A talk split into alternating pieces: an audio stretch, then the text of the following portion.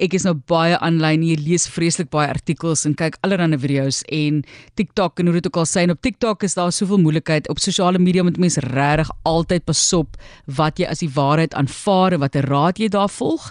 Daar is die belaglikste tendense wat mense daar begin dinge wat mense in hospitale laat opeindig.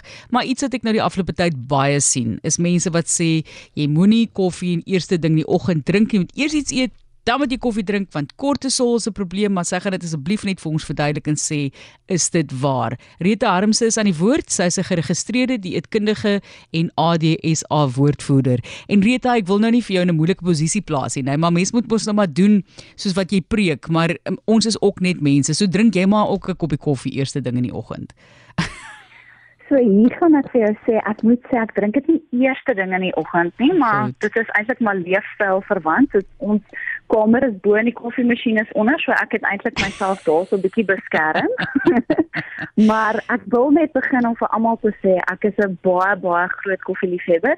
So ek gaan nie nou vir julle almal sê om oor te skakel rooibos tee of krye tee te nie. So daar gaan erns in die gesprek gaan ek vir jou noem dat jy wel kan koffie drink. So moenie nou die radio's afsit nie. ek moet sê ek het vroeër genoem ek ek soek mos die beste van beide wêrelde. So ek het 'n koppie koffie en 'n koppie tee wat vir my neergesit word in die oggend. dan vat ek 'n slukkie van die een en 'n slukkie van die ander en dan voel ek beter oor myself. Maar ja. Rita gee net vir ons 'n idee, wat is die moontlike nadele as dit kom by koffie sluk eerste ding in die oggend? So die eerste ding om aan ag te neem, het nou kortisol te reg genoem. Onthou dat kortisol, dit is jou streshormoon. En interessant, kortisol is op sy hoogste um die oomblik as jy wakker word. En die rede hiervoor is eintlik nou maar om jou aan te spoor om jou dag op dreef te kry um, baie keer om net seker te maak dat jy energie so deur die dag. En so dit wat ons probeer doen met koffie is eintlik natuurlik wat ons lyf vir ons probeer um al klaar in die um in daai denkpatroon sit om dinge te laat gebeur. Dit is dit wil se kom mense wat baie gelei is uh, geneig is om angstig te wees. Hoekom hulle partykeer nie aptyt het in die oggend nie, want daai kortisol kan partykeer maak dit net so 'n bietjie narerig. So die wat sê, "Jo, ek kan nie ontbyt eet so vroeg in die oggend nie." Kortisol is dalk te blameer daarvoor. Maar tweede ding is ook as jy koffie op 'n leë maag inneem, kan mens onthou dat jou maagsuur dat daar 'n toename in jou maagsuur afskeiding um, uh, is wat kan lei tot maagpyn en selfs maar om um, 'n maagseer en gastritis. So dit is hoekom ons moet baie versigtig wees om net koffie op 'n leë maag eerste ding in die oggend te te, te drink. En dit is ook wanneer die Engelse mense daarna verwys as 'n energy boost en 'n energy crash. As jy as jy so vinnige energie het soet kry, dan is dit dikwels dat dit lei na energie ineenstorting. En dan is dit gewoonlik wanneer jy by die skool, by die werk, by die universiteit is wanneer jy regtig jou energie benodig.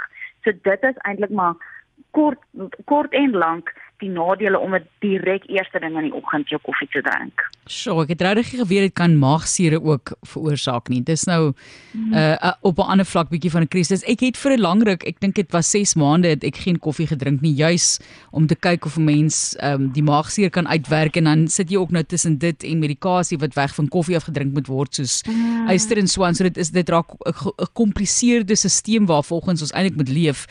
Die spysverteringsstelsel, jy het nou 'n bietjie geraak daaraan, maar nie in terme van hoe ons liggaam ook dan kos sal verwerk nie. Affekteer dit enigstens ons spysverteringsstelsel andersins? So as jy koffie op 'n leë maag inneem 100% dan is dit wanneer dit dikwels baie mense sal weet as jy koffie op 'n leë maag inneem is dit asof dit jou spysvertering aan aan die gang sit, maar vir diegene is sekere mense ook lei na na diarree toe, so wat ook onaangenaam is.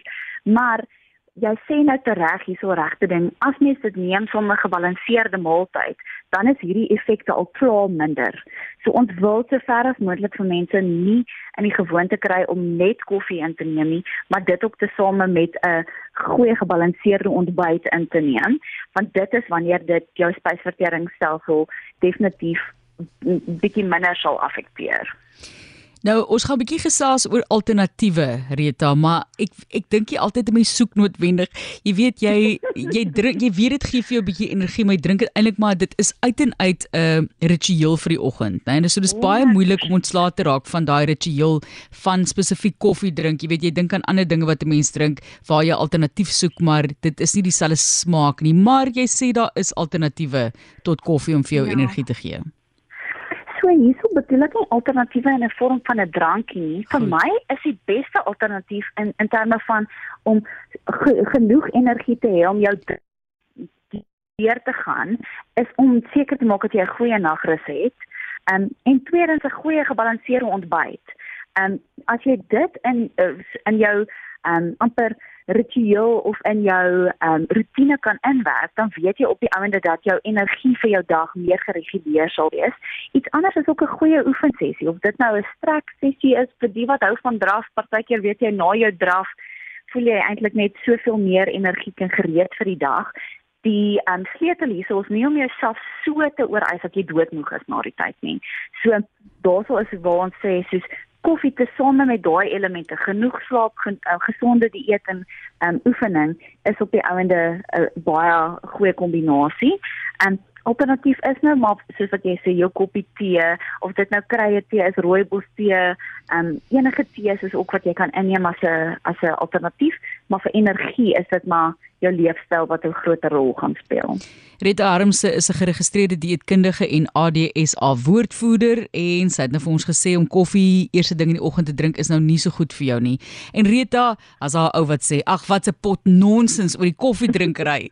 Jy weet dit herinner my eintlik bietjie aan myself want daar is 'n punt, nou is 'n mens hier op die sosiale media en dan sit hierdie gesondheidsvideo en daai is nie goed vir jou en daai moet jy nie daai tyd van die dag eet en dink jy later by jouself daar ek kan niks mee doen nie. Ek ek kan niks mee drink of eet wat vir my nie op 'n manier sleg is nie. So is daar 'n bietjie van mense is moeg, mense is moeg vir vir hoor ek moet dit so presies so doen en ek moet dit daai tyd drink en so voel jy bietjie van daai teenskop.